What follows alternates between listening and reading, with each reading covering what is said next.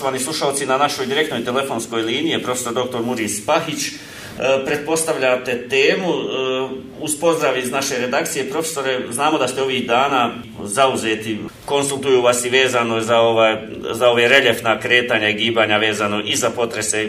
Pretpostavljate temu zbog koje vas mi e, zovemo iz želje, dakle da E, kao vrstan hidrolog date jedan svoj osvrt na jučerašnji incident ovdje kod nas u Olovu, odnosno e, kažete nešto više o nečišćenju bioštice i kriva je, dakle, e, uzrokovano izlijevanjem ove vode sa filtracije rudničke jalovine. Vidim, jutro ste napisali e, e, jedan, jedan osvrt na svom e, Facebook profilu. Kako gledate ovu situaciju? Imate li informacija koje ukazuju dakle, na, na razmjere, evo, odnosno posljedice ovoga. Hvala lijepo što ste me pozvali. Ja ne mogu ostati imun i nisam ostao da se ne javim i da na Facebook profilu i da ne napišem ukratko ono što sam napisao, mogu sam još toga dosta napisati. Znači, moja je uža specijalnost hidrologija i geoekologija. Ne mogu se oteti utisku, a da ne progovorim nekoliko osnovnih naznaka u vezi toga koliko e, smo mi zatečeni ovo, ovim incidentom, ja bih rekao ovom katastrofom, iz razloga što e, onovo kao e, ruda, ali onovo kao element značajno utječe na ljudsko zdravlje, a to se svi možemo obavijestiti iz E, medija, odnosno sa ovih e, društvenih profila i u tom kontekstu je trebalo kazati neke određene činjenice i ne pripuštati se u ovom slučaju, eto, slučaju, da se desio slučaj, pa neka je u nas tu radi nekoliko naših, ovaj, kako se zove, radnika izolova i tako dalje. Nije bilo u redu da se onovo E, transformira iz e, uh, čisti ekološki, ono što se kazalo, ovaj, e, radnje ili tvrtki u vrlo opasne koje su davno napuštane još u srednjem vijeku, koje su iskoristavane rudu olova. Iz tih razloga sam, kažem, bio ovaj dužan, a posebno zbog toga što se radi o rijeci, rijekama mog zavičaja, da oko toga kažem nekoliko osnovnih ovaj, postulata. I još nešto da vam napomenem u ovom uvodu. Ja e, ovih dana radim upravo na pregled nacrta e, dopuna izmene zakona o vodama, pa sam i tamo vidio niz nelogičnosti koje, se, koje su date u tom ranijem zakonu, odnosno što se predlažu u novom nacrtu zakona. I tu bi naravno trebalo sve pooštiti iz prostog razloga što voda predstavlja e, naš izvor, što se kazalo, života, isto kao što zrak udišemo, tako i vodu pijemo, bez koji jednog i drugog tog prirodnog resursa ne možemo. E, sada da se na trenutak samo vratimo na, na ovaj e, prostor još jednom konkretan e, slučaj. Dogodilo se to što se dogodilo. E, otprilike e, ovom vodom vrši se filtracija um, olovne jalovine, je li tako? Uh, ono što snimci pokazuju, dakle, da je nakon, evo, zamućenja rijeke, um, dakle, uh, na taj način ostaje, odnosno sliježe se na, na riječno dno, vidimo, ovaj, dakle, i prekriva kamenje ova, ova prašina. Koliko je ona toksična?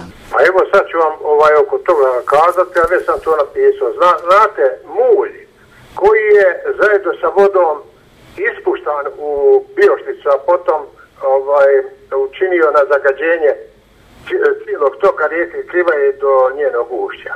Je promijenio boju vode, ali taj mulj koji je e, iz separacije rude olova, on je toksičan i taj mulj u sebi sadrži tu toksičnost koja e, se akumulira u tom mulju, ali kao obučeni ili suspendovani nanos na dnu. On može biti e, toksičan i ta toksičnost se može zadržavati enormno dugo. Ja ovdje hoću da kažem sljedeće, a na osnovu iskustva.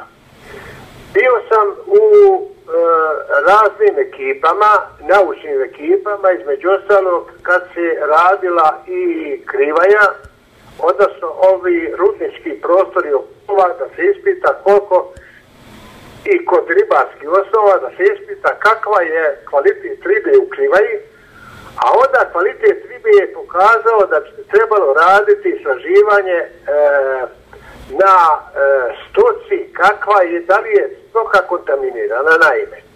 U ribama, u jetri škobalja naj, najčešće je on bio predmet ovaj istraživanja, nađeni su tragovi olova u jetri ovaj, te ribi.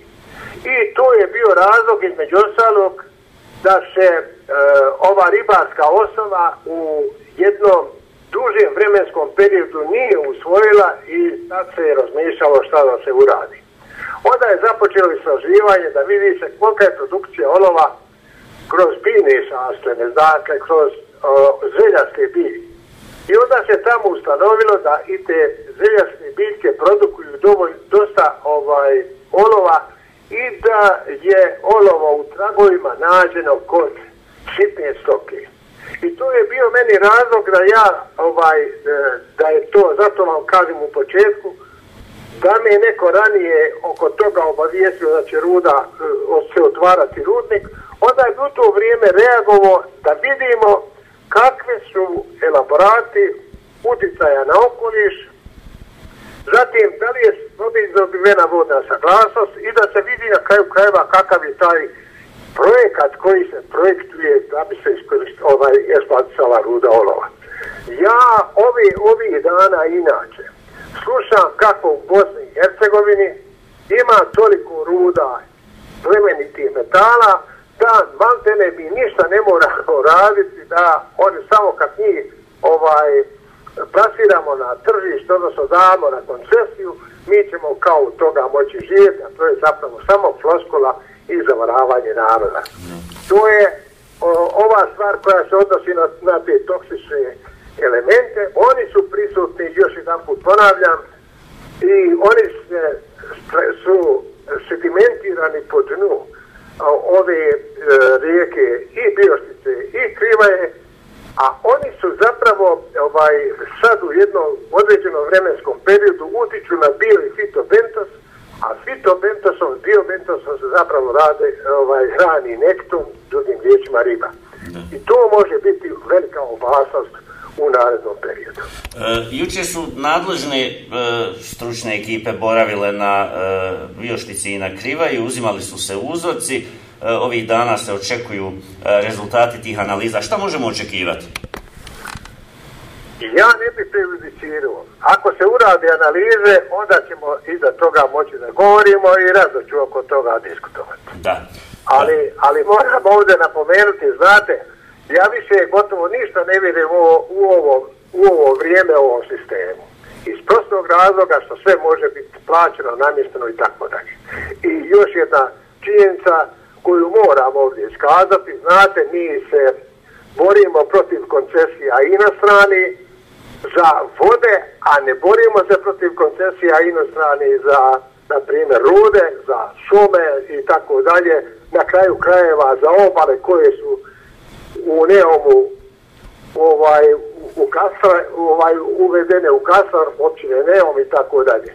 Znači, kad je u pitanju, znate, državna imovina, onda smo radi da kritikujemo druge, ali ne vidimo sebe.